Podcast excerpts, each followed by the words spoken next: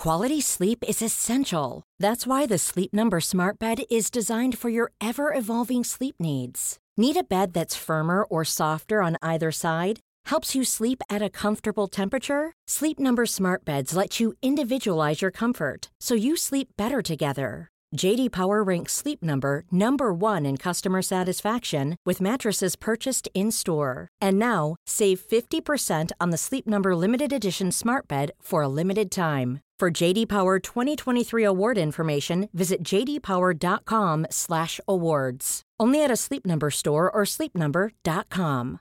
Ready to pop the question? The jewelers at BlueNile.com have got sparkle down to a science with beautiful lab-grown diamonds worthy of your most brilliant moments. Their lab-grown diamonds are independently graded and guaranteed identical to natural diamonds, and they're ready to ship to your door. Go to BlueNile.com and use promo code LISTEN to get $50 off your purchase of $500 or more. That's code LISTEN at BlueNile.com for $50 off. BlueNile.com code LISTEN. One size fits all seemed like a good idea for clothes Nice dress. Uh, it's a it's a t-shirt. until you tried it on. Same goes for your healthcare. That's why United Healthcare offers a variety of flexible, budget friendly coverage for medical, vision, dental, and more. So, whether you're between jobs, coming off a parent's plan, or even missed open enrollment, you can find the plan that fits you best. Find out more about United Healthcare coverage at uh1.com. That's uh1.com. Vi är denna vecka sponsrade av Indie Beauty. Och Sofie, det här tycker jag är extra fint och extra roligt. Ja men Indie Beauty är ju ett skönhetsvarumärke som jag tror att väldigt många känner till, men det jag älskar mest, det är att Indie Beauty liksom vill vara mer än bara produkter, vilket de ju också är. Exakt, Indie Beauty står ju för Independent Beauty, skönhet på dina villkor och för din egen skull. Och Indie Beauty tror ju stenhårt på ett alternativt skönhetsideal fritt från måsten, skam och känslor av otillräcklighet. Där är jag helt med Indie Beauty. Jag med. Det är så jag vill att skönhet ska vara. Ja men verkligen. Och vet du vad som är nytt för i år Sofie? Berätta. Från och med i år så skänker Indie Beauty 1% av sin försäljning till Suicide Zero, Tjejzonen och Djurens Rätt. Så när man handlar produkter från Indie Beauty så kan man liksom känna att man också ger tillbaka till samhället. Ja, kraften i tillsammans. Ska jag säga en sak nu då, som Mm. jag, det, men det är detta jag är extra glad över. Nu har Indie Beauty tagit fram en keps och den tycker jag ändå så på sommaren, skydda sig från solen, Jättebra, jag älskar kepsen. men det bästa, de bidrar till Suicide Zeros viktiga arbete för att minska antalet självmord och självmordsförsök. Så för varje såld keps så går hela vinsten, 100 kronor, direkt till Suicide Zero. Då kan man liksom göra nytta både för samhället och sin hud på en och samma gång. Ja, och kepsen kostar 169, men alltså hela vinsten går då som sagt till Suicide Zero. Så om man vill göra skillnad när man är där ute i solen, nu när den börjar titta fram, då ska man välja den här kepsen. Den säljs exklusivt på indiebeauty.se och på Apotea. Tillsammans kan vi skapa en ljusare framtid. Vi ses med kepsarna på! Tack Indie Beauty. Vi är sponsrade av Mindler och som ni säkert vet sedan tidigare så är vi ju ute på psykologresan tillsammans. Men hur vet man egentligen när det är dags att söka hjälp? Ibland uppstår saker i livet som kommer utmana oss och kännas tufft. Det mesta självläker vi oss igenom, för vi är menade att ta oss igenom en viss mängd påfrestningar. Men ibland behöver man professionell hjälp för att ta sig ur jobbiga perioder i livet. Men vart går då gränsen? Vad är en del av livets skavighet och när är det läge att söka hjälp? Det sägs till exempel att stress är farligt, men att också kan vara bra. Alla sover dåligt ibland, så när har man egentligen sömnproblem? Ångesten kommer väl krypande för de flesta någon gång. Så när ska man se ångesten som outhärdlig? Hur vet jag? Med oss som psykolog har vi såklart min gamla psykolog Linnea Seidbrant. Men Linnea, vad är egentligen utmattningssyndrom? Utmattningssyndrom är en konsekvens av svår och långvarig stress utan möjlighet till återhämtning. Vi är ju då skapta för att klara av stress, men vi behöver också återhämtning.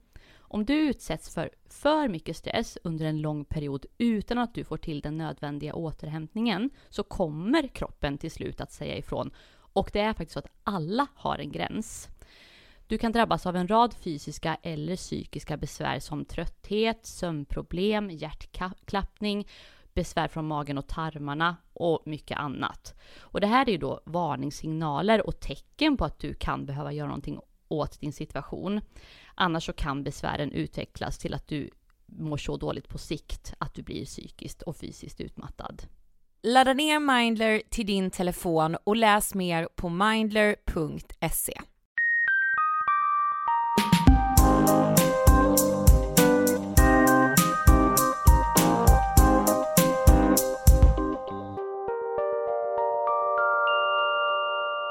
Hej hallå! Du lyssnar på avsnitt nummer 238 av Ångestpodden. Det stämmer! Ja men du vet så vi, ibland kan jag gilla när, när vissa poddar så gör de så här med mig Ida Höckestrand Och med mig Sofie Hallberg. Ja alltså du vet så kanske man känner sig trygg med vilka man lyssnar på. Ja och så här, vem är vem egentligen? För det är Ja. inte helt enkelt med vår dialekt. Vi är dåliga på det också, att säga det, att du vet såhär, jag som är Ida, Ja, jag tror att vi har gjort det någon gång tidigare men alltså en gång av 238. Nej, två gånger nu av 238. Det är inte så jättemycket. Nej det är inte, man kan ju inte begära att folk ska veta då vem som är vem. Nej, absolut inte. Nej, och Men jag sen tycker det är lite halvmysigt att man inte vet. så, Ja du tror det. Du vet såhär, det är två personer med åsikter, men jag vet inte vem som har vilken åsikt. Men ibland så har vi också fått höra att när man väl träffar oss så får man fel i huvudet Precis. och tror att du är Ida och jag är Sofie. Precis, så när vi börjar prata tänker man liksom att Ja. Mitt ansikte ska ha din röst. Ja, exakt. Och tvärtom. Vad konstigt det måste vara. Vad fan vad det måste vara Jag har nog aldrig lyssnat på några där jag inte vet vem som är vem. Nej exakt. Alltså när jag lyssnar på du så vet jag liksom. Ja, nej alltså det, jo det har jag gjort. Men då måste jag, alltså jag, jag är ju liksom, alltså jag är ju på google-knappen eller insta typ ja. på två sekunder. Jag kan bara ett mordpodden, jag måste se vilka de här tjejerna är. ja precis, jo men det Alltså- vet jag med att jag gjorde med dem och Mm. därför vet jag ju Mm. när jag lyssnar. Exakt, och det, Ja, ja. jag måste det. Nog om våra röster. Ja, men jag mår stämmor. ju piss. Ja, inte då fysiskt eller? För det Nej, sa vi att vi det inte med, skulle men det ska vi inte prata om. Nej, Eh, men alltså ja, psykiskt och du vet, jag har ju en separationsångest i den här sekunden som är. mm. Och anledningen är ju att vi sitter i vår poddstudio för sista gången. ja. Men inte för att vi ska sluta podda utan för att vi ska få en ny poddstudio. Men ni Ja. vet ju hur vi är, alltså det är så svårt att bara sitta här idag och inte Alltså det går ju inte att inte tänka bara tänk vilka gäster som har Ja. varit här inne, tänk vilka jävla avsnitt vi har spelat in här. Alltså vi vadå, liksom vi har ju vuxit, trevligt. Ja. alltså så här, vi har ju vuxit som personer ja. på ett sätt, alltså du vet, jag har gråtit så mycket i den här studion, Mm. jag har skrattat så mycket. Jag har gråtit i den här studion. Ja, alltså jag har liksom belivit, alltså jag har liksom på nytt fötts i den här studion på något jävla sätt. Mm.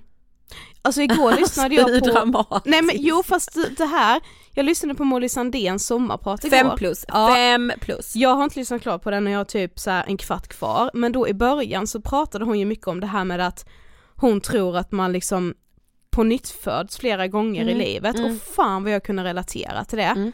Just att säga, nej men nu har jag börjat om liksom, inte Mm. att man känner det där och då, men att man kan se tillbaka Ja. på sig själv och bara, åh gud det var då liksom. Ja. Och det har jag ju gjort i alla fall en gång sedan vi startade Ångestpodden. Gud ja. Ja. Men du vet med i den här studion, alltså herre min själ, alltså du vet så här, jag kan inte fatta hur många saker som har passerat här inne, alltså du vet så här, hur många ord som har sagts, hur många liksom insikter Mm. jag har fått. Mm. Alltså jag, jag vet inte hur jag liksom ska kunna gå vidare.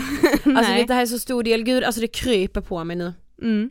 Jag, Men- jag blir liksom, jag skulle kunna börja storgråta. Men det är ju ändå liksom någon sorts tröst i hela den här grejen är ju ändå att jag vet att den nya poddstudion kommer vara, alltså jag kan inte säga att jag vet att den kommer vara finare för hur det ska gå till, det vet jag Nej jag faktiskt vet inte. inte. Men den kommer vara större och bättre, den kommer ligga ännu mer centralt, alltså Men du vet, alltså- det, det finns ju positiva sidor med detta. Alltså den liksom 23-åringen som gick in i den här studion, Mm. det är inte samma 26-åring nu som vandrar ut. Nej men också så här, jag har liksom haft alltså den åldersnojan jag satt och hade i just den här stolen som jag sitter i nu, Ja. innan jag skulle fylla 25.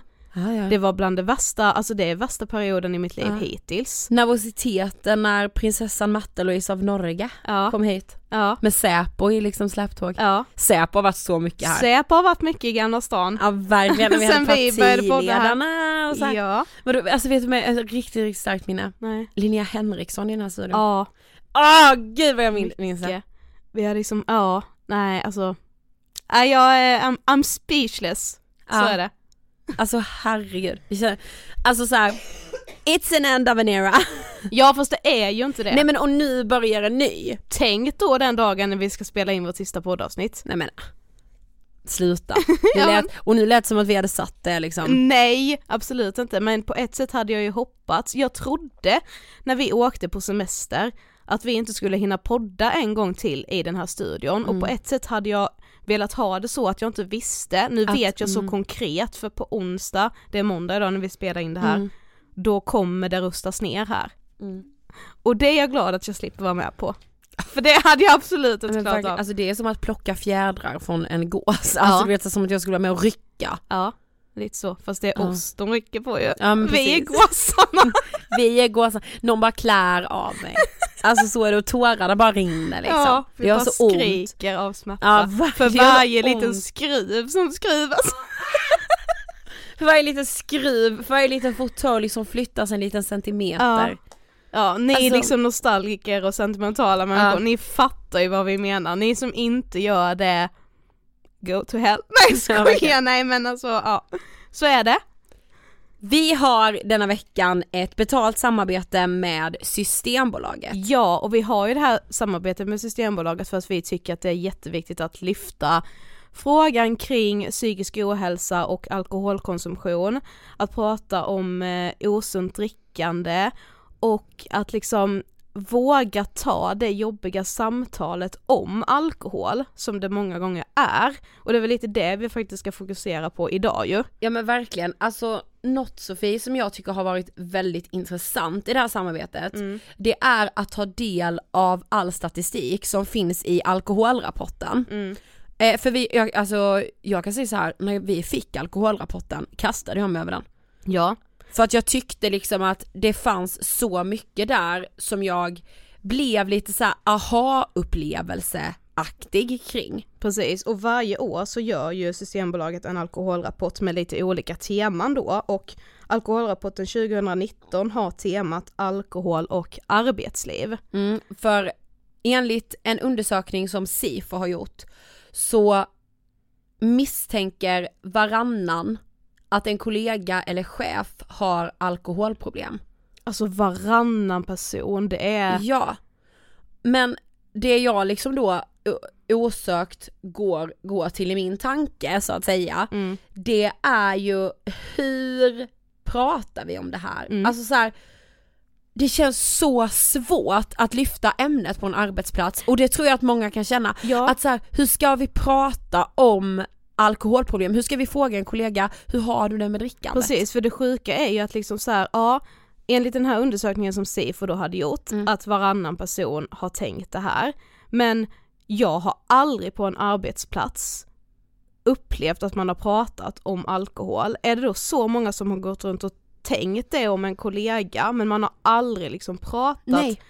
Om alkohol på något sätt, inte på lunchen, inte att man hade någon sån här liten, ja men du vet ibland, jag vet någon gång när liksom jag jobbade i klädbutik så kom det liksom någon och pratade om typ så arbetsmiljö och så, Mm. det var ju ingenting om alkoholkonsumtion. Men sen tänker jag med att det i många liksom medelstora företag så finns det ju en ganska så stark AV-kultur idag. Mm, verkligen. Alltså det ska liksom drickas alkohol efter jobbet på fredagen för att fira in ledigheten. Mm, eller för att fira att man har liksom eh, kanske fått in en stor affär. Ja men exakt, Liksom. men tror du inte att det kan bidra till svårigheter kring samtalen? Jo, absolut. Nej men jag har funderat lite på det också varför man är så otroligt rädd för att liksom ställa frågan. Och det är ju för att man tror också, man tror ju för det första att man alltid kommer trampa någon på Ja, tårna gud, ja. om man ställer frågan. Att man klampar in i liksom det privataste rummet. Precis, och att man på något sätt är elak som påstår att någon dricker för mycket. Men det är ju bara av omtanke, alltså vi måste ju på något sätt pränta in det. Ja. Alltså alla frågor är av omtanke och inte för att sätta dit någon eller för att Precis. så här, vara elak, Nej. för så är det ju inte. Nej, alltså jag vet. Och jag tror också att för att det också ska bli liksom lättare att prata om det så krävs ju nog med, tänker jag, att varje arbetsplats har en ganska så tydlig linje kring så här. det här ska vi vara öppna om, det här måste vi prata om för att det ska fungera Mm. på vår arbetsplats. Alltså jag menar att varannan person Mm, har känt att en kollega på arbetsplatsen dricker för mycket. mm, Det är liksom så, vad säger man, hög statistik. mm, verkligen. Men tror- alltså kan inte ni, så- alltså vad tänker ni kring det här? Jag tycker den här diskussionen är jätteintressant och viktig. Mm, absolut. Skriv till oss på Instagram, där heter vi Angestpodden. Och alkoholrapporten, om man vill ta del av den så finns den att läsa på omsystembolaget.se. Vi är denna vecka sponsrade av Kicks. Ja, och Kicks har ju ett samarbetsprojekt med Tjejzonen som heter Share. Ja, Och alltså praktiken som sker inom liksom ramen för det här samarbetet eh, gör det möjligt för tjejer att praktisera i Kicks-butik eller på huvudkontoret med stöd av en mentor. mm. Och vi har ju träffat Lisette. som själv har gått det här programmet. Ja, och Lisette gästade ju oss för några år sedan och pratade om GAD. Ja, det var helt sjukt när vi insåg att så här, det är samma Lisette som Ja! redan har gästat Ångestpodden och som då faktiskt mådde väldigt dåligt, men som genom det här projektet har fått så mycket bättre självkänsla och självförtroende. Vi ska lyssna på hur det lät när vi frågade henne om Share. Hej Lisette och välkommen tillbaka till Ångestpodden. Nej men åh hej! Tack så mycket! Kul att ha dig här igen. Alltså så roligt att vara här igen. Men berätta, hur kom du i kontakt med Share? Jag kom faktiskt i kontakt med Share via Arbetsförmedlingen för det var min arbetsförmedlare som nämnde Share att man kunde söka praktik på Kicks med, som har ett samarbete med Tjejzonen. Eh, Så hon, hon nämnde det och jag blev ju direkt väldigt nyfiken och gick in och kollade bara, men vad är det här för någonting? Ehm, ja, och eh, efter det skickade jag in en ansökan till Tjejzonen då. Mm, men hur, hur gick det till sen då när du fick en plats? Um, då var det så här, då blev jag kontaktad av Tjejzonen som ville boka in en träff med mig. um, och då åkte jag dit. De berättade lite grann hur det funkar, lite så här eh, om deras så här, ehm, kamp mot psykisk ohälsa, att de stöttar unga tjejer ute i arbetslivet.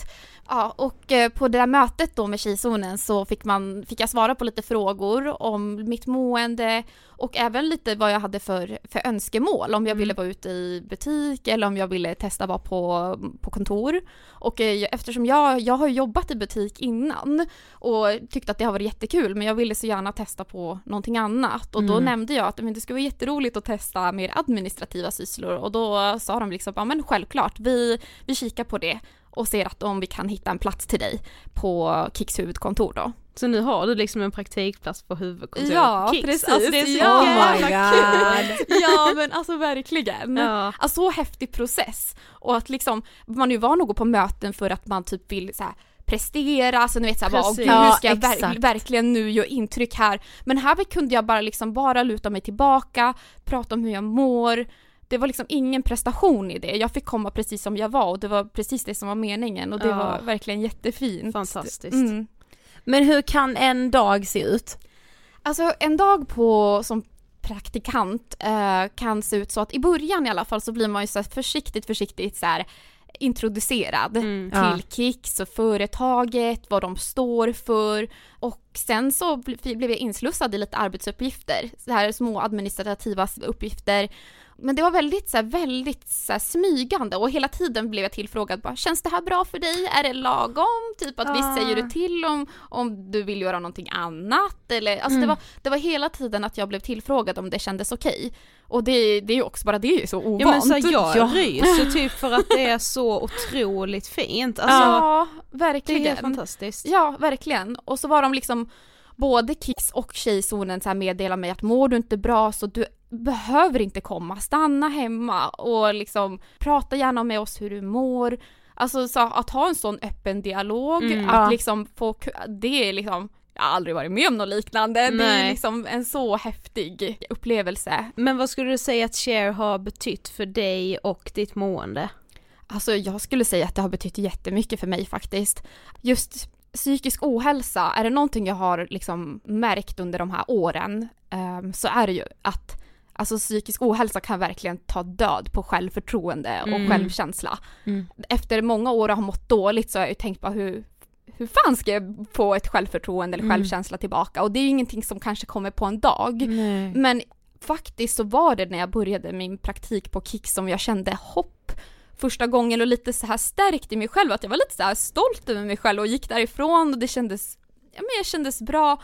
Så det var ändå lite där under, redan i början av min praktik jag började känna lite, lite självkänsla igen på något Åh, sätt. det Det var, det var verkligen så häftigt för jag har inte känt det på jättelänge. Ja. Och sen har det liksom ändå byggdes det upp lite sakta men säkert under praktiken så jag skulle lätt säga att det är verkligen Cher som gjorde att jag, liksom en vändpunkt i min självkänsla. Wow, Ja. säger Ja. jag bara. När man känner sig osäker kan man alltid vända sig till sin mentor och bara det är ju också helt magiskt. Mm. Och bara att veta också att de är så förstående, man behöver inte komma och må dåligt liksom.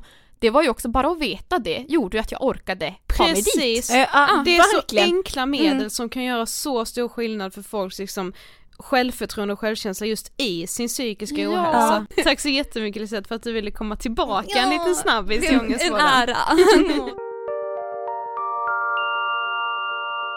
För att anmäla ditt intresse för praktik hösten 2019, alltså nu alldeles strax, Mm. så skickar du ett mail till mentorpraktik.tjejzonen.se med ett personligt brev där du berättar lite vem du är, vad du gör och varför du vill praktisera på Kicks. Jag vill uppmana alla som mår dåligt att ta den här chansen. Ja verkligen, alltså jag tycker det här är, alltså Cher är helt otroligt. Ja.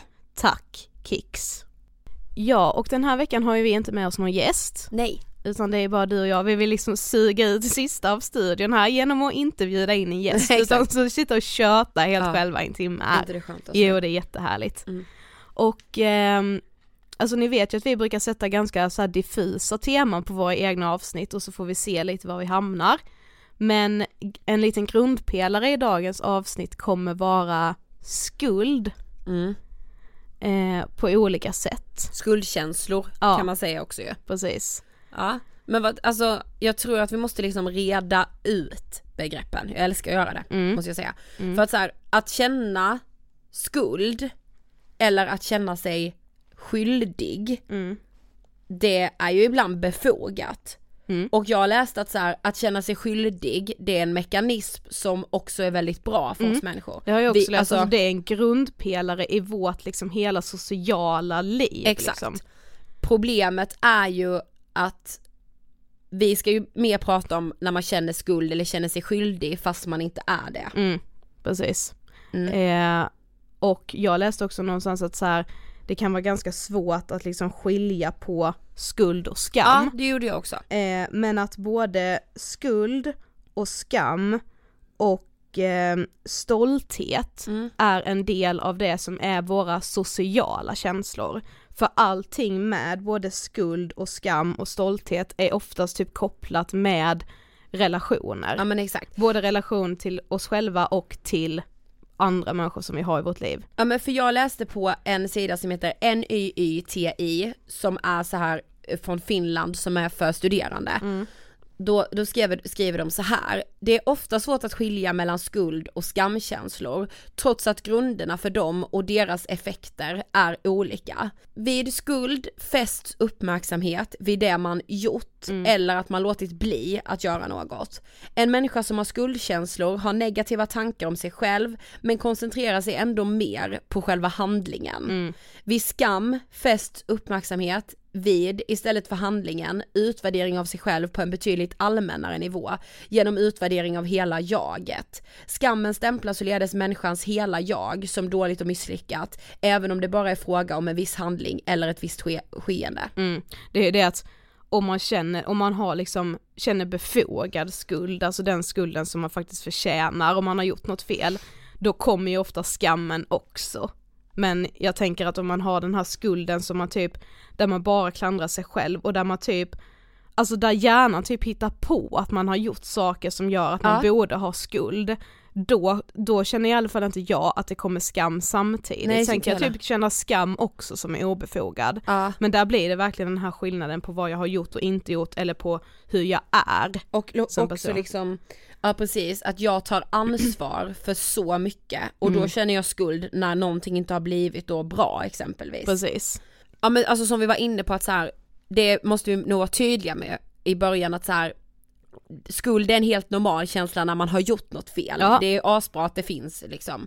Mm. Eh, men det är också såklart viktigt då att förstå för sig själv när den här skulden är överdriven Mm. på något sätt.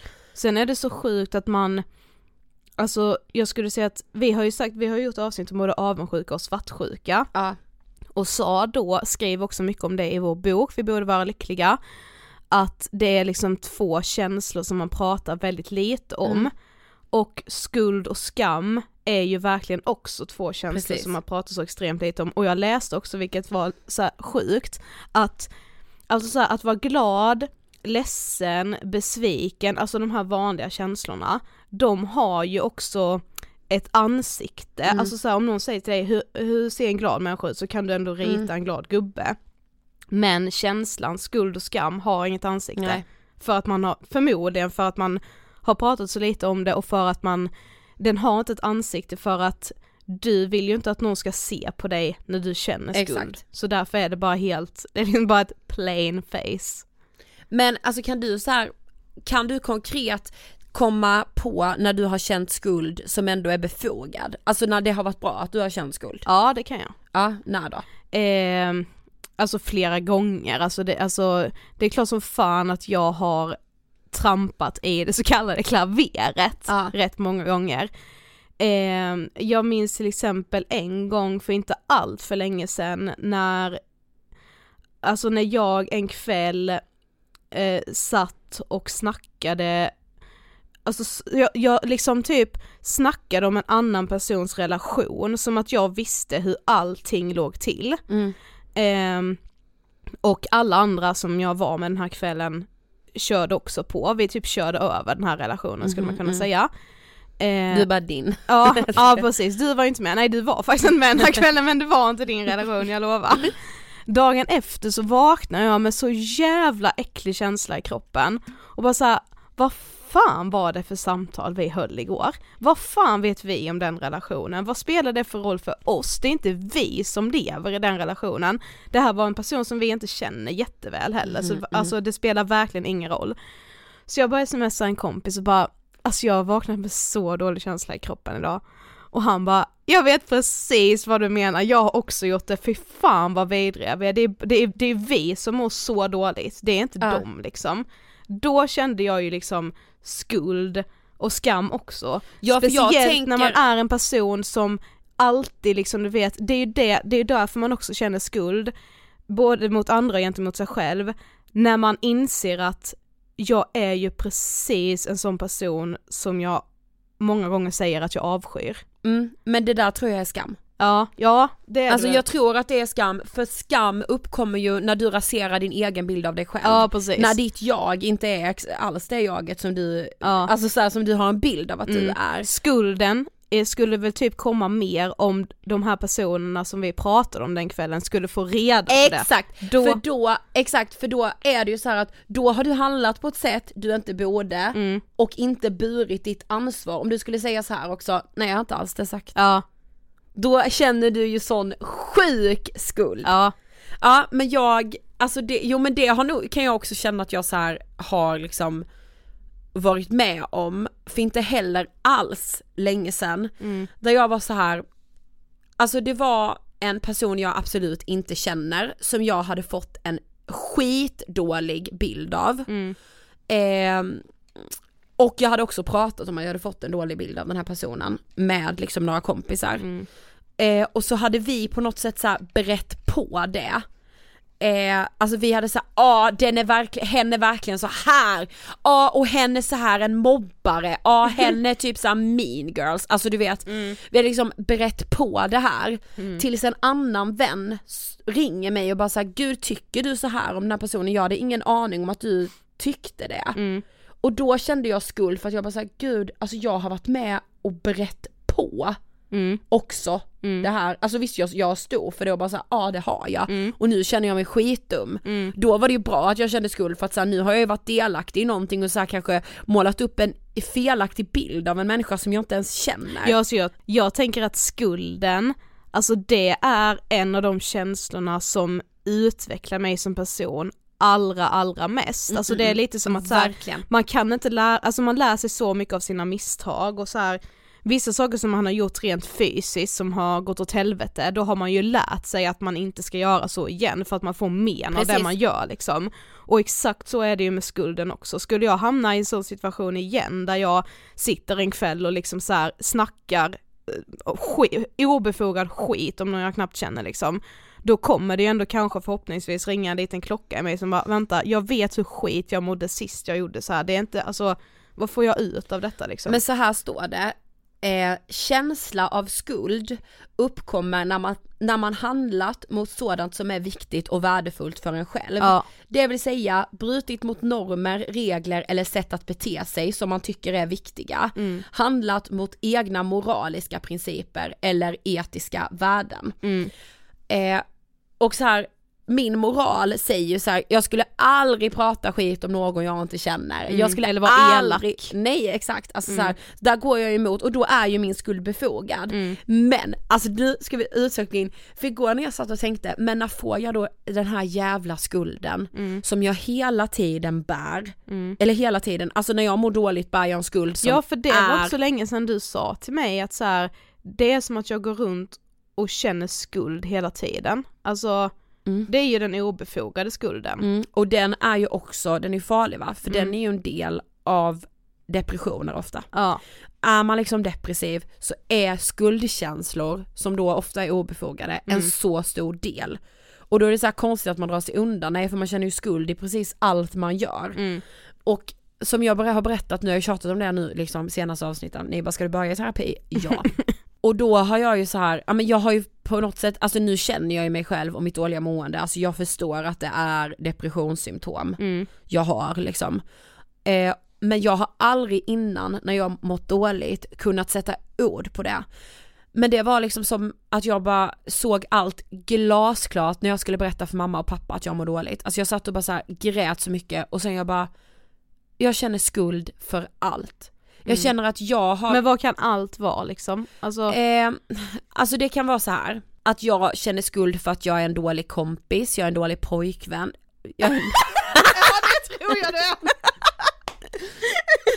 jag är en dålig flickvän, jag är en Ja. dålig dotter. Men ja men alltså stopp, alltså kör liksom inte, vad är det som, alltså när känner du nu är jag en dålig kompis? Jag känner skuld i att här, jag har inte lyssnat tillräckligt, jag har Ja. inte funnits där tillräckligt. Mm. Jag har inte, alltså otillräcklighetskänslorna i liksom sam, samarbete med Ja. skuld.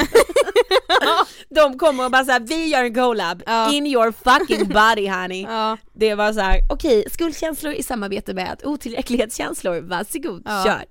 Ehm, och liksom, ja men och då känner jag sån jävla skuld att bara såhär, gud alltså jag bär ansvaret nu för att den här relationen är dålig. Mm. Alltså då är jag inte ens, jag, har- jag har nog ingen så här vänskapsrelation som är dålig just nu. Ja, min relation med min kille är inte dålig, jag har absolut ingen dålig relation med mina föräldrar. Nej. Ändå så är det som att jag bär någon skuld för att jag känner att jag bär ett ansvar över att relationen kunde varit mycket bättre. För vet du vad jag läste? Nej. Att eh, det också finns ett starkt samarbete Ja. mellan eh, skuldkänslor och extremt stark prestationsångest. Okej. Alltså då har du, du har prestationsångest i dina relationer. Ja, för det det- är ju säkerligen depressionen som gör det. Eller Mm. så, du kanske inte har en depression Nej, det men du har inte, men- depressiva liksom, du känner det liksom, du har många av de symptomen. Mm.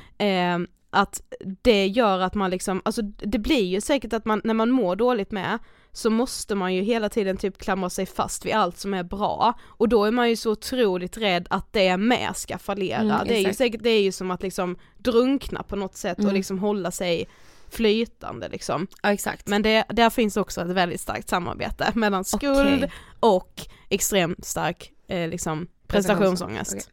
Också så här. Detta är helt sjukt, men detta tror jag jag har känt hela mitt liv. Och det är ju inte för att jag liksom har varit depressiv hela mitt liv. Nej. Det handlar ju om prestationsångest då. Alla fester Ja. eller tillställningar jag någonsin har varit på som har sugit och varit dåliga har jag efteråt känt en jävla skuld i för att så här, som att jag bär ansvar för den jävla tillställningen. Att jag Aha. känner skuld i att den är dålig och att jag kunde gjort någonting åt det. Alltså när du har varit någonstans där det inte är du då som har styrt det menar du? Alltså om du har ja, varit det bjuden på? spelar absolut ingen roll. Okej. Att säga att Ja. mitt kompisgäng hade tråkigt, det hänger på mig. Ja okej. Alltså ja. jag känner, kan känna sån skuld i det, att här, gud, och så här, varför är jag en så jävla tråkig människa liksom? Alltså vad fan, jag känner skuld i att jag ens är på en plats typ. Mm. Alltså så kan jag göra i, i, om jag hårddrar det. Mm. Ja jag fattar. Mm. Mm. Alltså jag kan inte, alltså jag kan ju också verkligen känna eh, alltså skuldkänslor, jag har liksom en sån situation med som jag ändå skrev upp, eh, liksom där, den konkreta liksom gången som jag berättade om där jag faktiskt skulle känna skuld och där jag verkligen förtjänade det. Ja. Men jag har ju också typ så här, jag vet någon gång när vi satt på en fest och jag kommer verkligen inte ihåg vad liksom diskussionen handlade om men det slutade med att jag typ blev lite så här, alltså vet ibland när, man, när jag känner mig jättetrygg i relationen så är det som att jag helt plötsligt kan skämta om vad som helst och ha ganska hård jargong och typ så här skämta lite om någons svaga sidor även Ah, fast ja, ja. jag ju älskar dem. Mm. Eh, och så kommer jag ihåg att jag sa någonting till en kompis och, då, och, och kompisen säger till mig vad taskigt sagt. Men vad, vad sa du då? Jag kommer, inte, alltså jag kommer inte ihåg vad det var jag sa, alltså det minns Ja, jag men du, verkligen om inte. du hade sagt så här till mig, för vi måste konkretisera. Ja men det är typ som att jag skulle säga, ja men som att jag skulle sitta och säga, ja men, eh, ja men det är typ som Ida som är deppig hela tiden. Alltså lite så, det var typ Ja. på den nivån skämtet låg. Så rolig är jag! Exakt. Norra Fruktansvärt. Brunn ring mig!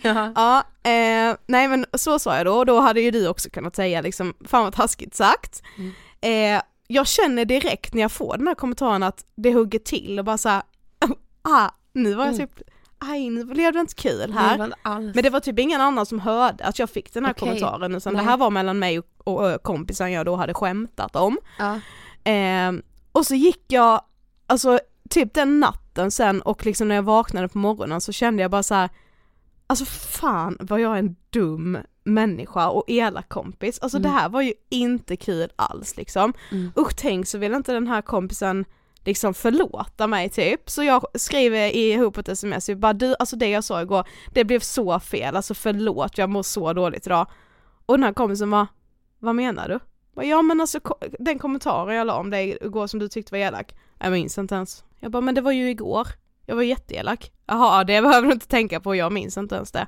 Alltså vet, Mm. en, en liksom en liten brasklapp som, det kanske inte ens var meningen att det skulle vara en brasklapp till mig men det fick ju mig att känna mig som en asdålig kompis Mm. fast jag någonstans vet att jag inte är det. Mm. Och då kände jag ju liksom, det var ju liksom i mitt eget huvud lät det säkert ännu, ännu värre och var mycket elakare än vad, vad det det var. egentligen var. Mm. För att jag bara sa, ah, men det, ja, det är ju för att jag är en så jävla värdelös kompis. Mm. Jag kan ju inte ta hand om mina Ja, vänskapsrelationer precis. ens längre nu liksom, för att jag är Ja. dum i huvudet. Snart står jag där helt ensam. Exakt. Men jag får ju fan skylla mig själv Ja. som lägger så dåliga kommentarer. Jag får Ja. bara börja vara tyst. Ja. Nej men också, alltså om man liksom ska lista så står det så här att överdriven skuld är då alltså följande. Den är ständigt närvarande, är en ständig känsla av att man gjort eller låtit bli att Mm. göra något. Mm. Eh, och åstadkommer en känsla av otillräcklighet. Mm. Så, ja. Mm. För det kan jag ju också känna. Jag kan ju känna en sån jävla skuld också.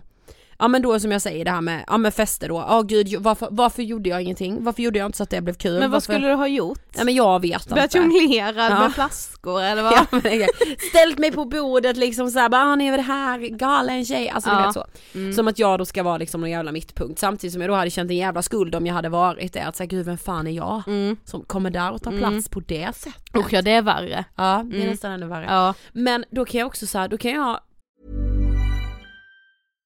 One size fits all seemed like a good idea for clothes Nice dress. Uh, it's a it's a t-shirt. until you tried it on. Same goes for your healthcare.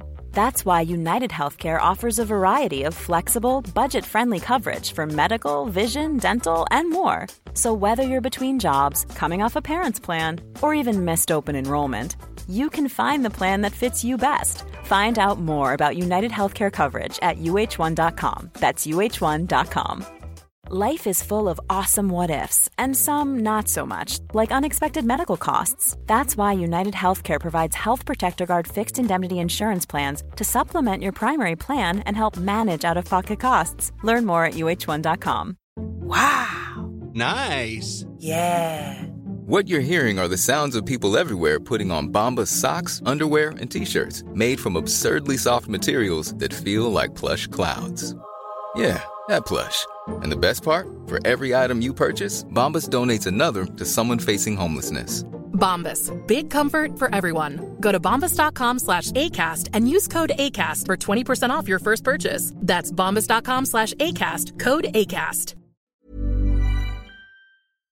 Då kan vi säga så här att jag har sett en diskussion som den, av den typen du beskriver, fast där någon faktiskt har varit riktigt taskig. Ja. Nej men jag kanske har sett en diskussion, Mm. Se att det har varit så här, ja men två stycken har diskuterat och någon kanske har gått till personangrepp på den andra, men Och jag har inte sagt någonting. Nej usch, det är också vidrigt. Ja, alltså då kan jag ju känna sån jävla jävla jävla skuld över Mm. att jag inte gjorde någonting. Vad fan gick jag inte in emellan där och sa såhär, du vad fan säger du? Mm. Också kan jag ju känna skuld när någon har betett sig så mot mig. Mm. Alltså, Men det ja. sjuka är att hade jag gått emellan där, då Mm. hade jag lika gärna typ dagen efter kunnat få lite vargtimme för att säga varför ska jag alltid vara den som lägger mig i typ? Mm. Alltså vet så här, Jag vet. Ja.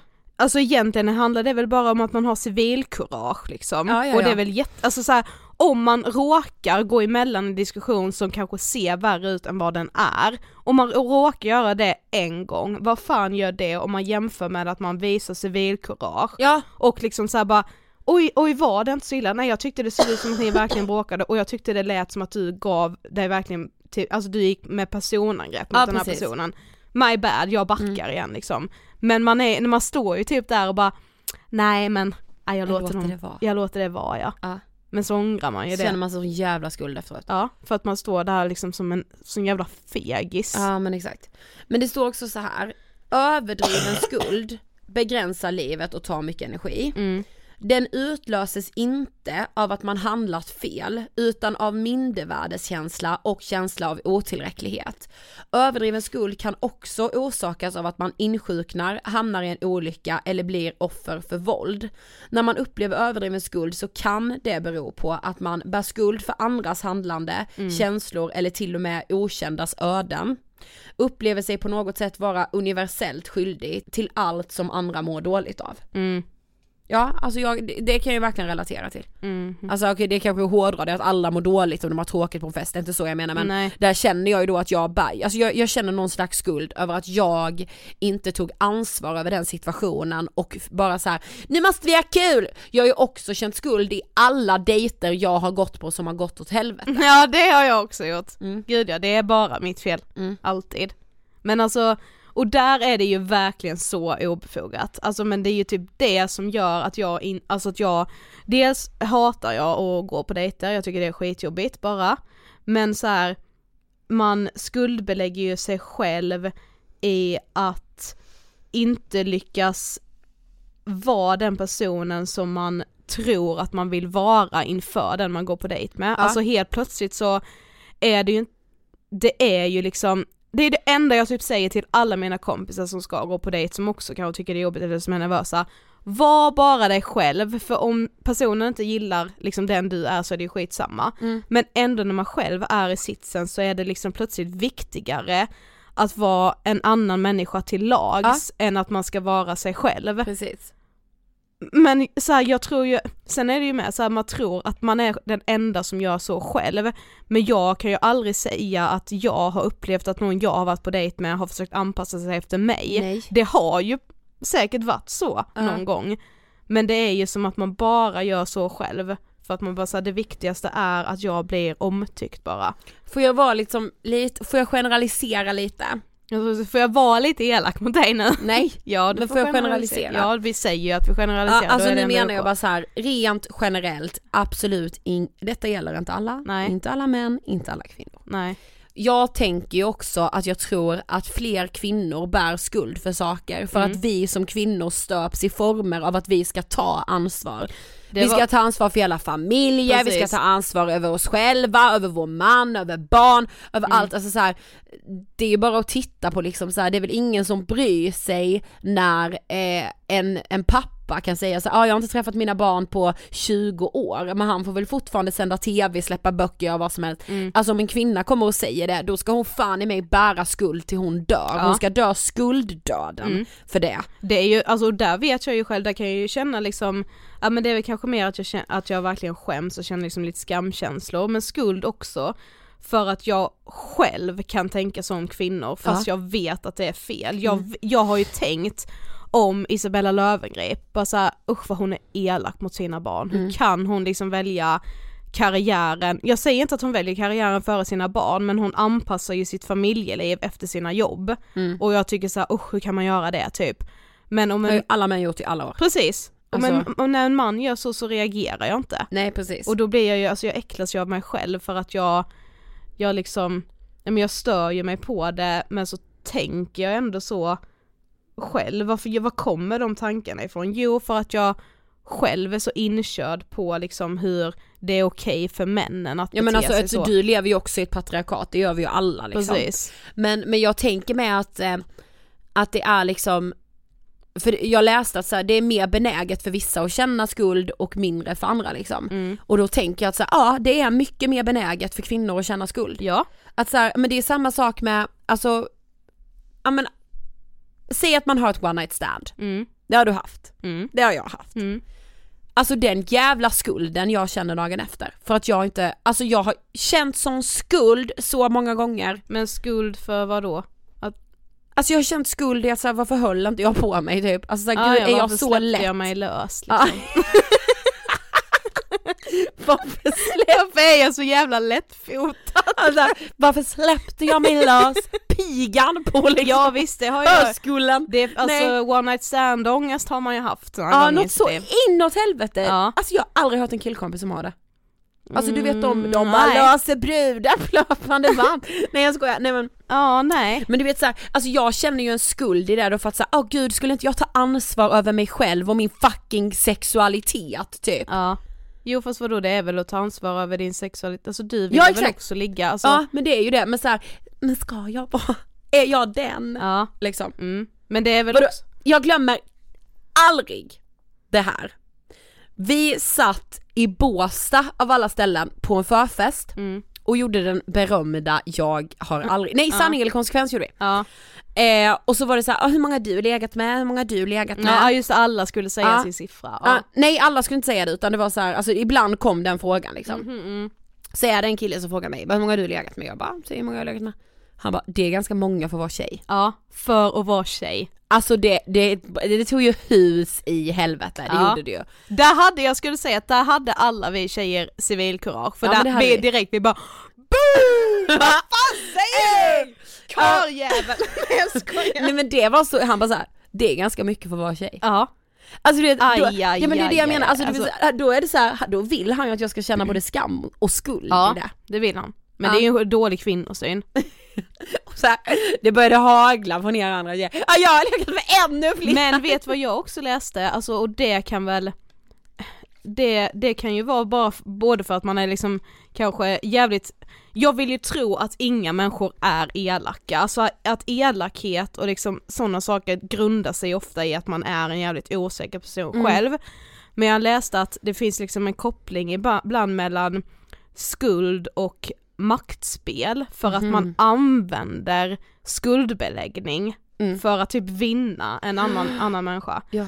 Att så här, ja men att man, att man försöker liksom Alltså det är svårt att ta ett exempel för att jag, jag har säkert också gjort så, du vet vad det är Jag som var så det. sjukt när jag läste om det. Jag höll Jag- på, ja men alltså, och detta är typiskt tonårsbeteende också. Mm. Precis, jag ska läsa här. Ja. Skuld och maktspel. Ja, jättemycket höll jag på så när jag var tonåring. Skuld kan missbrukas och då användas som ett effektivt vapen i det sociala samspelet.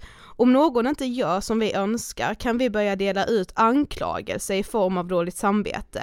Du ringer aldrig, eller det är alltid jag som diskar. När vi börjar våra meningar med du, och då de dessutom innehåller generaliseringar som aldrig eller alltid använder vi skulden för att få den andra att ändra sitt beteende.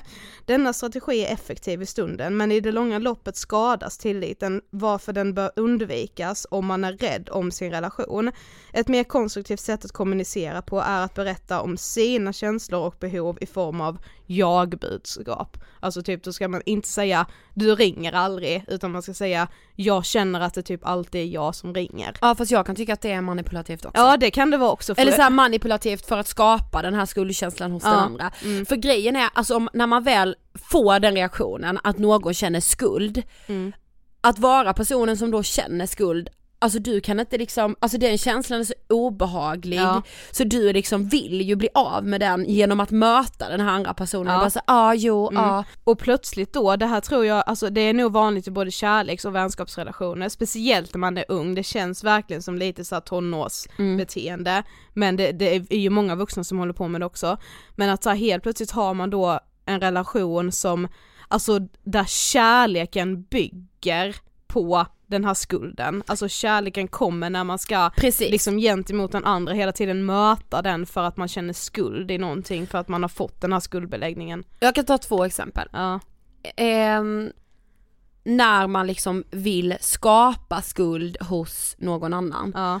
Det här vet jag att så många har varit med om. Säg att man har, ehm, man är ett gäng på, på några stycken, man är kanske ute en kväll och man, det kanske inte är så bra stämning liksom i gruppen, man kanske är lite irriterade på varandra, det är lite så här Mm. och sen ska en gå hem. Mm. Eh, Ja men jag vill åka hem, ja men kan du ta en taxi då? Det Mm. vore jättebra. Mm. Eh, för liksom, jag blir orolig om du ska gå hem själv. Nej jag ska gå. Mm. Ja men jag blir jätteorolig att någonting ska hända dig, kan du snälla ta en taxi? Nej jag ska gå. Mm. För att då skapar ju den skuld hos de personerna som kanske är kvar Mm. på en bar eller en nattklubb eller whatever. Mm. Att gud vad kan hända? Tänk så blir den här personen överfallen, tänk så blir den våldtagen. Mm. Och då skapar det ju en skuld för att man inte följer med, för, för att man inte liksom, alltså förstår du? Mm. Alltså så här, skulle det hända någonting just den gången när ens kompis går hem själv så skulle man ju aldrig, aldrig, aldrig någonsin kunna förlåta sig själv för det. Nej. Även fast det inte är ens fel. Nej men exakt och så här, att man liksom, även om man då har bett dem att så här, snälla kan du sätta dig i en taxi? Mm. Och så den här personen bara nej jag ska gå. Mm. Alltså då har man, kan man ju egentligen inte göra mer men personen som går Mm. vet ju vilken skuld det skapar Mm. hos, hos den andra liksom. Precis. Och då blir man i så här läge, okej ska den här andra personen kontrollera hela den här gruppen så att de måste också gå. Mm. Det är jättesvårt allt det här. Mm. Också något annat som jag tror att så här, eh, man kan ha varit med om, om man kanske har, som kanske man kan ha varit med om också, det är väl om man har, ja men säg att man har en chef Mm. eh, som säger så till en att eh, man ringer sin chef och så säger man så här, ja jag är sjuk, Mm. ja okej säger chefen, ja men det är klart du ska vara hemma. Och sen så går det två dagar och så ringer chefen och bara, alltså vi har så himla mycket, där kommer du tillbaka Ja. egentligen? Precis. Då får man ju en skuld som inte är befogad för att egentligen är det den här chefen som är sjuk i huvudet. Mm. Alltså, Mm. Precis. Men alltså, eh, jag bara när jag läste det, jag bara gud vad man, vad man själv typ har gjort så. mm. Och också, ja men jag, ja, jag vet inte, det, det är liksom, jag, jag tror väl att alla har, eh, jag skulle inte säga, jag har liksom ingen sån relation idag, men jag tror att alla ändå känner någon som har någon sån relation. Eller har haft någon sån relation, både vänskapligt eller kärleksrelation. Men vet du vad jag tänker nu Sofie när vi sitter? Nej. Alltså skuld är ju, att skapa skuld hos någon annan är ju en sån jävla makt. Mm, det är Alltså ju ett makt- maktspel. Ja alltså verkligen, man ska Mm. maktfaktor. Mm. Alltså det är ju ett sånt jävla vapen, det är ju Mm. helt sjukt. Mm. För ingen vill känna skuldkänslor, alltså det är vidrigt. Men vad tycker du i denna då? Ja. Ja, alltså jag vet, jag, jag tror vi har haft den här diskussionen innan någon gång för väldigt länge sedan. Det är liksom svårt nu att komma ihåg exakt vad man har sagt i podden efter så här många avsnitt. Mm. Men vad tycker du då om att så här, få rena sitt eget samvete på någon annans bekostnad? Mm. Om man har skuldkänslor? Alltså vet typ så här, att man har varit otrogen. Eh, men man vet typ någonstans att min partner kommer inte lämna mig ändå. Så det är bättre att jag får rena mitt samvete och känna att jag varit ärlig. Åh, alltså det där är, det där är Rubiks fucking kul. Ja det är det. Alltså, Jag tänkte liksom på det igår bara nej men jag vet, alltså, det här är en ekvation utan lösning. på ett sätt Mm. tänker jag ju så här. Alltså jag måste utgå från min relation jag har Ja. nu liksom. Alltså för jag älskar min kille över allting annat och det är så här, jag, jag, jag önskar att jag med 100% skulle säga så att han kom, om han kommer bara jag varit otrogen så skulle jag säga så här: hej då, Ja. vi ses aldrig mer, vi hörs, bye. Men det är inte så Alltså jag enkelt. kan inte säga att jag hade gjort det. Nej. Det kan jag verkligen Jag tror inte. ingen kan säga det. Nej det tror inte jag heller. Alltså Nej. är man liksom dödskär Alltså jo jag tror att alla kan säga det för att det är det man ska säga. Mm. Men jag tror inte alla kan säga det och veta Nej. att det är det som skulle hända. Alltså jag önskar att jag hade gjort det. mm. Men jag kan inte säga till 100%. Det är mycket man önskar att man hade varit och är som man inte är liksom. Precis. Eh, så på ett sätt tänker jag ju så här att jag, alltså lägg absolut inte det på mig. Mm. Alltså jag förtjänar inte att veta det. Om den här personen, om, om någon är otrogen mot en, det händer en gång, det är så här, ah gud jag vet inte vem den här personen är, nu Och man det. vet helt hundra att det inte kommer komma fram. Ja så tänk, ja precis men det tror jag inte man kan veta. Nej. Nu tänker jag så här, okej men då kan man kanske skona sin partner och inte berätta det. Mm. Men, Samtidigt blir det ju värre om det kommer från ett annat tänk håll då. kommer det från ett annat håll. Ja. Och så har inte den här personen sagt det. Mm. Tänker jag på ett sätt. Och sen tänker jag så här också, men okej om den redan har varit otrogen en gång. Och Sätter inte- den, den i system då, Jag och så tänker kanske typ- man är det en gång i halvåret för att säga men den får ändå inte, nu när jag är på konferens, Precis. liksom. Ja. Det var på hotellet när du hade konferens. ja. Jag tror att om man är personen som är otrogen, det, det är den som ska lämna. ja. Ja alltså, då då man behöver liksom... man, man behöver inte säga det med otroheten då, men alltså Nej. man måste fatta själv att det, det här ligger hos mig. Ja. Alltså det kanske inte är så att man inte älskar den här personen, men jag tror att man får lämna, man får gå i terapi, sen får man i så fall komma tillbaka till den här personen och säga så här: jag har gått i terapi, jag lämnade dig av den här anledningen, Mm. jag, vill, jag vill bara vara med dig. Mm. Och jag har förstått att det är det här och det här och det här, vad, vad känner du? Men Mm. man ska fan lämna sin relation. Ja. Det tänker jag, är man otrogen ska man lämna sin relation. Men man ska inte kasta det i ansiktet, man får säga såhär, jag måste lämna dig. ja men fan vad svårt Ja det är. jag Alltså, vet, men alltså, jag, jag du? kan inte vara typ en talesperson här ens för liksom jag har inte varit i en relation någon gång men jag, jag tänkte bara på det, det här när man liksom lägger över sin egen ångest på en handling man har gjort som ger en kanske både skuld och skam Mm. och så lägger man över det på någon annan, Mm. som, alltså den som allra allra minst förtjänar den här, liksom, ja men nu blir det liksom att man trillar över på skammen, det ska vi inte göra men så här. tror du liksom också att man hade gått runt och levt med en otrolig skuld gentemot sig själv om man hade fortsatt leva med en relation i en relation där partnern hade varit otrogen? Ja, Förmodligen. det hade man ju. Ja. Alltså det är det, alltså det är så, alltså otrohet är mitt värsta, det är så, jag vet inte liksom, alltså Nej. Att det inte finns i brottsbalken. ja, det men, är, ja. men liksom, Men är det, är, det, är det viktigare då att få det är det som är så jävla sjukt med kärlek ju, man blir ju sjuk i huvudet. Alltså är det viktigare då bara att få vara med personen och hellre leva med den skulden gentemot sig själv, att man gör så mot sig själv, att man gör så mycket avkall. på liksom På sitt eget själv och jävla sitt eget värde. värde. Ja. Är det viktigare att bara få fortsätta vara med den personen och inte vara ensam och då få bära den skulden? Alltså det är så, det är så hemskt men jag vet ju att, ja men vet, för vet du där kommer ju också det här, in, men vad är förlåtelse då? ja Hur precis. viktig är den? Att Den är kunna ju förlåta? Ja! Den är, alltså det är Alltså, ju, gud, alltså, förlåtelse är vet det inte. viktigaste vi har. Vi kanske ska börja med att inte vara otrogna. Ja, kan vi försöka? Ska vi försöka alla? hålla oss till en? Nej men ja, alltså ja det är otroligt det här. Fan vad det är svårt. Ja. Alltså det är Rubiks jävla gud. Men Ja, alltså att jag har fått insikten att skuld är vårt, alltså det är det starkaste vapnet. Ja. Alltså lägg en AK47 och skuld och det är såhär, Ja. I can't, Jo, I can't choose. Och jag är ju, man måste ju på något sätt tänka med så här, är man en, människa som de flesta är som är kapabla att känna både skuld och skam så är man bara väldigt mänsklig och jag tror verkligen, det är i alla fall verkligen det som utvecklar mig allra mest som Ja. Det är klart, alltså det ska vi komma ihåg, det är skitbra att känna skuld så som vi beskrev det i början. Ja. Men den kvinnliga skulden för liksom, alltså allt Mm. måste liksom bort. Mm. Alltså jag menar det är ju det som är ett problem i så här, ja men vadå, vad menar ni liksom, menar vårt rättssystem att kvinnor ska känna någon slags skuld i vad de hade på sig Ja, när de blev utsatta Precis, för för en våldtäkt? ens ställs i Alltså ett det förhör. är Det är helt sjukt. Och där, jag kommer också in såklart på skulden och skammen går ju hand i hand, Mm. men efterlevande i självmord. Mm. Eh, jag inser att jag nog har varit ganska skånad eh, när min faster tog sitt liv. Mm. Alltså mi- min familj är liksom närmast henne, Mm. var. Eh, men jag har inte känt någon skuld. Nej. Lite, men inte liksom Alltså inte så som de många beskriver när jag liksom har läst på många forum av liksom anhöriga och så vidare. Mm. Eh, men att liksom, att det är så många som bär den skulden, alltså, här, alltså du kan inte bära den skulden. Mm. Att så här, och med det sagt man kan rädda någon som har eh, bestämt sig för att ta sitt liv fram till att den är död. Det Det, ska vi man. komma ihåg. Mm. Men det är ju inte, alltså det är aldrig en enskild individs fel att liksom samhället har att samhället aldrig någonsin har gett oss verktyg att hantera Nej. suicidtankar eller självmord, eh, alltså inget sånt. Vi Nej. vet ju inte hur vi ska göra. Nej. Därför kan man inte heller bära en skuld. Men kan du känna, är det skuldkänslor du kan känna gentemot typ an, andra som kanske lyssnar på Ångestpodden när du känner att du är på väg in i en så depressiv Mm. period igen? Är det skuldkänslor? Nej det är skam.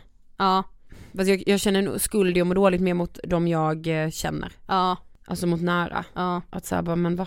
Ska du tjata om det här igen? Mm. Det, men det är ju en del av att må psykiskt dåligt. Det, Mm. det, det tror jag alla ni som lyssnar som har lidit av liksom ångest på något, inte ens, alltså det behöver inte ens vara en diagnos, men alltså att perioder när man mår dåligt och att det kommer tillbaka. Mm. Så kan man nog känna skuld i att så här, Ja men det är ju därför man hellre drar sig undan, eller många gör det. Jag tycker du är bra på att inte dra dig undan faktiskt. Mm. Jag har aldrig upplevt dig dra dig undan. Alltså sen kanske det är för att vi bor tillsammans, Mm. hade vi inte gjort det hade det kanske blivit mer att jag hade märkt att ja men du hör inte av dig ändå lika mycket. mm. Alltså det är lite svårt att dra sig undan när man bor i samma Ja, lägenhet. exakt. Men eh, jag skulle ändå säga att jag inte upplever dig dra dig undan mot liksom, alltså andra vänner heller. Men du kanske känner att du gör det. Jag Mm. vet ju liksom, du har ju sagt såhär, åh, jag hörde av mig till den och den för att jag har liksom, jag har hört av mig så dåligt känner jag, men det är för att jag har mått dåligt. Jag tänker, jag har inte hört av mig till den personen på typ ett halvår, och jag har inte mått dåligt. Alltså, Nej.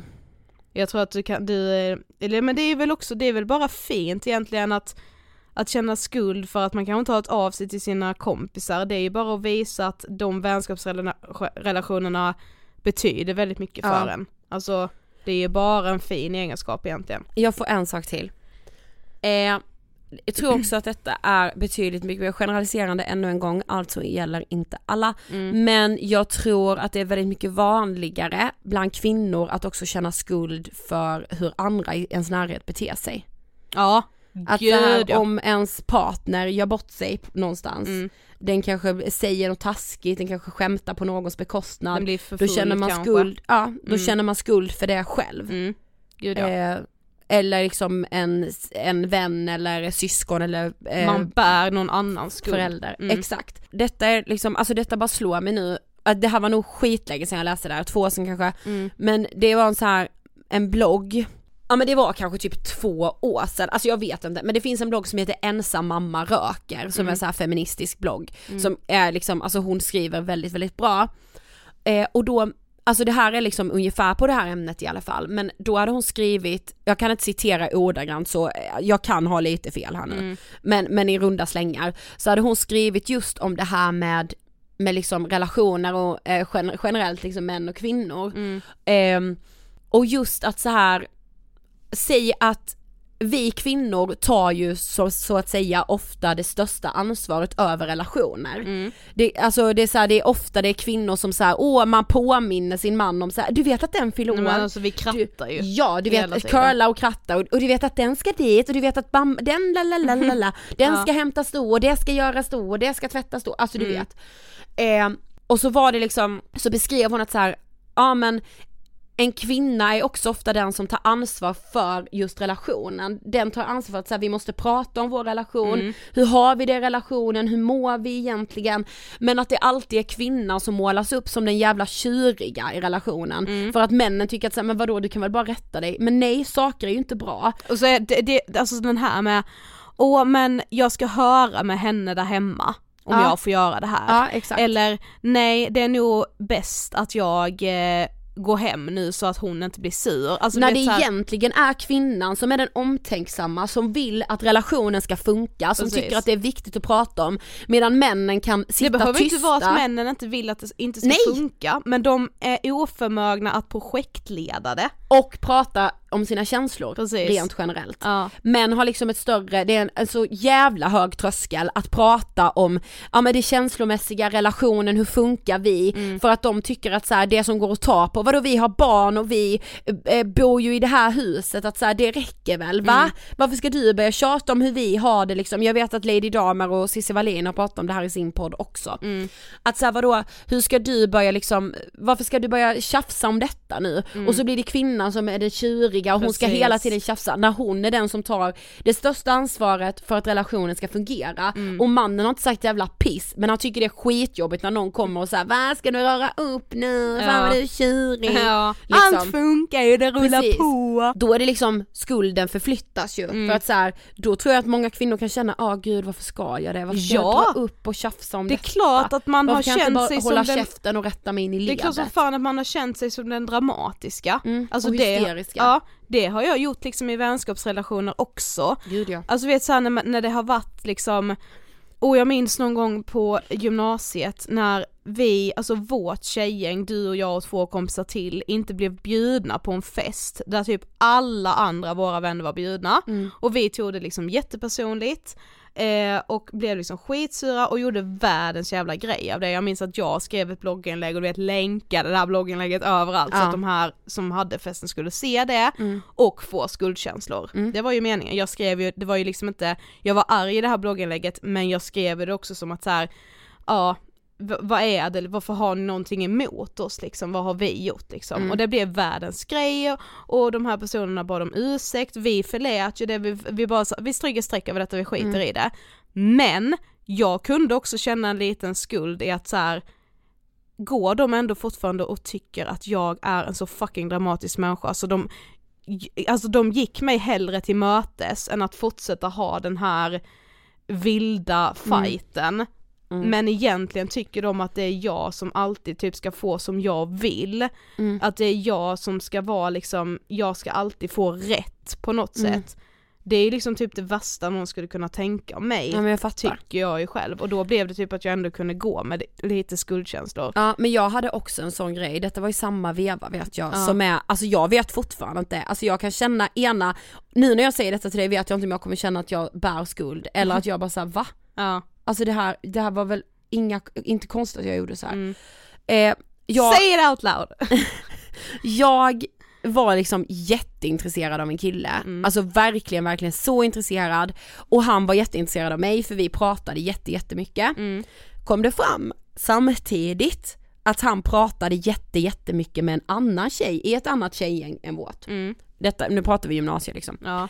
Eh, Det var mycket gäng. och jag bara såhär, aha, okej, då kan man tänka nu att den normala reaktionen borde ju vara att hon och jag bara, vad är det här för kille? Varför Precis. har han, Vad han har ju väntas- verkligen spelat sönder med oss liksom. Ja, mm. För han kan ju obviously inte bestämma sig. Mm. Ena Vi dagen, går ihop nu som två Ja, men så här var starka han. tjejer liksom. ena dagen, ena helgen var han på deras förfest och sa åh nu är han med henne.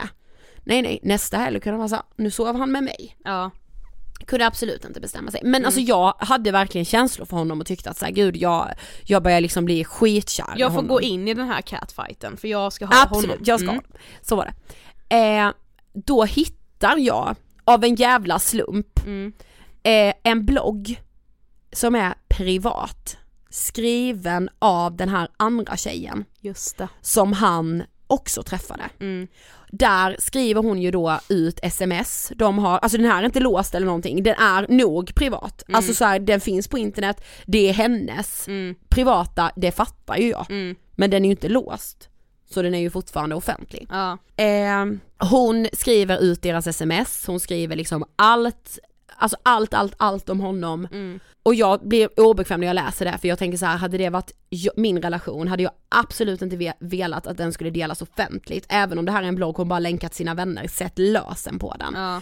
När jag läser ett av inläggen har hon även skrivit om en av mina bästa vänner, hon har skrivit rasistiskt om henne. Mm. Och då tycker jag att det här är absolut inte okej. Mm.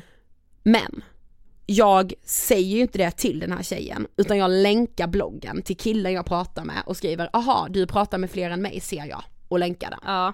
Efter detta får jag, det, jag blir ju det svarta fåret, han, han kan ju löpa fritt som killar ofta kan. ja, är liksom. absolut. Mm. Ja, jag har faktiskt ingen aning. Men jag blir ju verkligen det svarta fåret och vi ska ha någon slags diskussion där hennes bästa kom, en av hennes närmaste vänner sitter och gråter och säger alltså du är den värsta människan, hur, alltså att du kunde göra så här Ja. mot Pip, vad hon då heter. Och där och då fick jag ju såklart asmycket skuldkänslor för att Mm. jag bara gud vilken hemsk människa jag är. Men vi pratade aldrig om det rasistiska hon hade skrivit om en av mina kompisar. Nej. Och vi pratade liksom aldrig om att så här, det är han som är helt sjuk i huvudet. Mm. Sen så här, ibland kan jag tänka, ja det var klart jag länkade den, jag var askär i honom, jag tyckte hon var en rasist och jag bara såhär okej. Mm. Alltså egentligen, det, det är ju, alltså så här, Men jag kan ju också tycka att det är helt sjukt att jag gjorde det. Mm. Men tycker jag att det är lite sjukt för att säga, åh fan vad crazy och bra av dig att våga göra det? Eller är det sjukt? Alltså jag vet att jag, där, jag är också tudelad där, jag kan ju tycka på något sätt att Där och då sa ju ni såhär, länka. Ja, ja, men det var, jag var ju också skitförbannad för vi ska komma ihåg att din kompis som var liksom Mm. rasistiskt kommenterad i den här bloggen var Mm. också min bästa kompis. Precis. Så att det är klart som fan att jag också kokade av ilska. Men jag tänker ju typ så här att ni alla tre, om vi nu nämner då liksom dig, den här killen och den här tjejen som också pratade med killen och hade den här bloggen. Alltså ni alla tre har väl inte handlat helt rätt Nej. egentligen. Det är sant. Men jag tänker att är det någon som går genom livet och alltid handlar helt rätt, alltså det finns ju liksom ingen heliga Birgitta. Nej, alltså den här jag- tjejen som har skrivit det, alltså hon är verkligen inte rasist, alltså hon är, var liksom en så fin människa och vi kunde ju lägga det här bakom oss. Ja. Men där och då hade hon väl med i stridens hetta liksom uttalat sig rasistiskt. Men det visste hon att hon hade gjort. Mm. Hon visste ju också helt säkert att varför i helvete har jag inte satt ett lösenord på den här bloggen, Mm. det skulle jag ha gjort. Så istället för att fejsa det med hon själv hade gjort fel, så la de ju skulden på dig, för de Mm. sa hur kan du vara en så hemsk människa som länkar den här bloggen? Ja, hur kan du vara så hemsk som skriver rasistiska saker? Mm. Hur kan, alltså så här, men så gör man ju ofta, det är lite tillbaka till maktspelet men när man vet att man har gjort fel och säkert lever med så mycket skuldkänslor, Mm. för det vet jag ju att hon Mm. hade. Nej men jag med. Men då är det ju mycket skönare att lägga över skulden när det finns någon mer som har gjort fel i hela situationen, då det är bättre att bara lägga skulden på den personen så man slipper Ja men som, hon, hon levde ju inte med mindre skuld för det, men hon behövde inte bära skulden utåt. Nej precis. Det är ju det värsta när man bara så här. Hallå allihopa, jag har gjort fel och har skitmycket skuldkänslor, det skulle Mm. man aldrig säga för återigen det jag sa i början, skuldkänslorna har liksom inget Nej. ansikte för man vill inte visa att man känner skuld. Nej. Ja. Sen slutade det med att vi blev vänner, alltså jag, Ja, det, det sjuka jag kan säga, alla de, eh, det, alla i det tjejgänget skulle jag liksom, alltså jag skulle krama om dem länge och väl om jag såg dem idag. Precis, Alltså, vad kul verkligen. att se er. Ja men det var liksom, det är fantastiska människor, men där och då i den åldern med, Mm. och så här, då hade man precis fattat att man kunde använda skuld som makt tror jag. Precis. Och också, man hade ju typ inget konsekvenstänk. Nej. Så att man bara körde ju på impuls. Jag, nu känner jag ju både skam och skuld över att jag länkar den här bloggen, jag är sjuk i huvudet så känner jag ju. Okej, men om fem minuter kanske du känner att det var helt rätt ändå. Ja då kände jag såhär gud, hyster, jag, jag äger den hysteriska kvinnan i mig. Ja, mm. Det måste vi faktiskt kunna göra. Ja, men vem, ja, det är viktigt att prata om skuld och skam. Vi har ju redan pratat om skam. Ja, fan vad vi skäms efter det avsnittet. Precis. Eh, skuld är ju liksom inte riktigt samma sak. Nej, Men eh, ja, nu har vi liksom jag hade kunnat prata så fyra år till. Ja det är ett långt avsnitt kan jag säga, vi Ja. måste liksom börja runda av här Mastigt. nu, pronto! Perranta! Nästa gång vi hörs sitter vi i en ny studio. Ja det gör vi. Gud vad spännande. Nästa gång vi hörs har ni köpt vår bok, Vi borde vara lyckliga. Den finns fortfarande signerad på Bokus. Du hittar den på Adlibris och övriga sajter som säljer böcker, alla bokhandlar också och bibliotek. Exakt. Tack så jättemycket för att ni har lyssnat den här veckan. Tack ska ni ha och vi hörs som vanligt nästa torsdag. Med en gäst. Hejdå!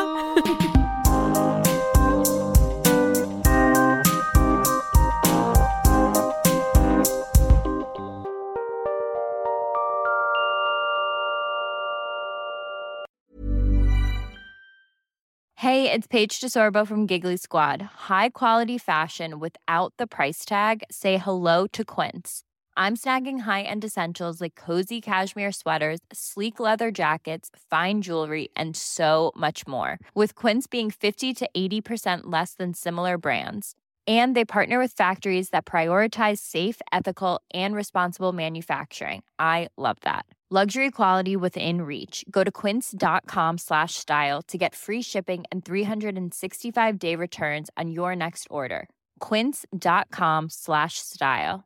Mom deserves the best, and there's no better place to shop for Mother's Day than Whole Foods Market. They're your destination for unbeatable savings, from premium gifts to show-stopping flowers and irresistible desserts. Start by saving 33% with Prime on all body care and candles. Then get a 15-stem bunch of tulips for just $9.99 each with Prime. Round out Mom's menu with festive rosé, irresistible berry chantilly cake, and more special treats. Come celebrate Mother's Day at Whole Foods Market. Imagine the softest sheets you've ever felt. Now imagine them getting even softer over time. That's what you'll feel with Bowl and Branch's organic cotton sheets. In a recent customer survey, 96% replied that Bowl and Branch sheets get softer with every wash. Start getting your best night's sleep in these sheets that get softer and softer for years to come. Try their sheets with a 30-night guarantee. Plus, get 15% off your first order at bowlandbranch.com. Code BUTTERY. Exclusions apply. See site for details.